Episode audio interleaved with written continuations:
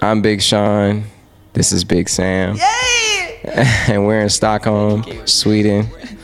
One of the tightest places in the world. How long have you known Jhené? Let's see, it's 2016, 15, 14, 13. I met her like in 2011. And then we just been friends.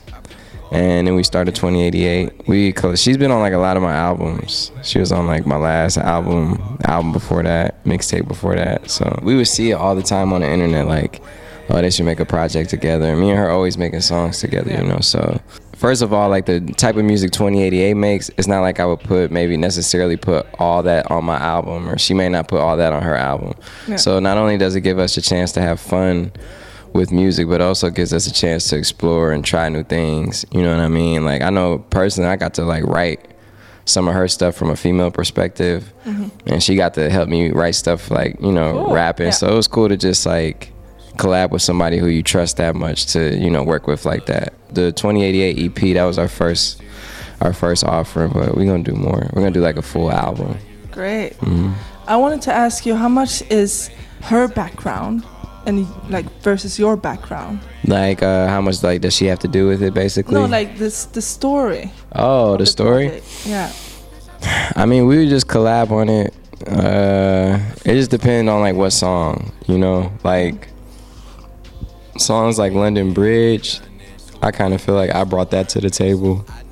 But then songs like Push It, you know, she kind of more so hmm. delivers. So it's just about you know depending on what songs, but they're all just like stuff we go through, different stories, you know, put together. That makes sense. How would you like to see it develop? I would like to see it develop just, you know, it's a group. I would like to see it just, me and her got a lot of dimensions. You know, I think this project kind of just touched on one, which was like the relationship between a guy and a girl, the ups and downs, the craziness, like the sex, you know what I'm saying? Yeah. You can really hear that. Yeah, yeah, yeah. Yeah, and then like in the videos, we were like robots, and it was like we kind of did like a cool thing like that. So, but you know, it's way it's way more to touch on. Me and her are versatile, so we might just change it up or Would you imagine yourself to take another person in? And in the group. Threesome? Threesome? oh boy, A Swedish artist? that would be tight. Yeah. Mm-hmm. Zara Larsson, maybe. Yeah, he's tight out here. Yeah, she's. Oh, she's. Whoops. Don't cut that out. The new album I've been working on, my solo album, I think it's like has just a lot of, you know, potential and it's just something that I feel strongly about. I think it's my best work I've ever done so far. And so I'm finishing it up now. Like I got a, a studio bus here, and like we're we've been in, you know, in recording studios all over Europe and mm. stuff too. So we've been heavily working on that, and it sounded good. I'm super happy about it. Cool. Yeah. So what do I know about the Swedes? I know they're sweet. Sweet. The Swedes are sweet. I know that Sweden is very fun. Fun. I know you guys are fun people. You know how to party um, for sure. I think that's like, they know how to party when they drink alcohol. Yeah, that's knowing how to party. Yeah.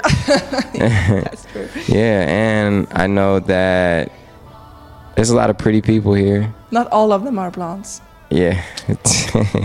And what else? Yeah, it's all good though. I'm not blonde either, so You yeah. could dye your hair though.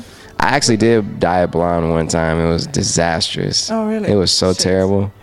I I remember I did, did I dyed it blonde and because I didn't have anything to do that week. I thought I was just recording, and then all of a sudden I had to perform on like a on like a TV show with Kanye and like Rick Ross. And I remember I had a hat on because it was like the wrong blonde. It like didn't turn out good. Yeah, it killed my whole dreams of being blonde. Yeah, so just Yeah. keep being you. Yeah.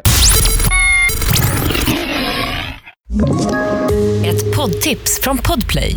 I fallen jag aldrig glömmer djupdyker Hasse Aro i arbetet bakom några av Sveriges mest uppseendeväckande brottsutredningar. Går vi in med hemlig telefonavlyssning och, och då upplever vi att vi får en total förändring av hans beteende. Vad är det som händer nu? Vem är det som läcker? Och så säger han att jag är kriminell, jag har varit kriminell i hela mitt liv men att mörda ett barn, där går min gräns. Nya säsongen av Fallen jag aldrig glömmer på Podplay.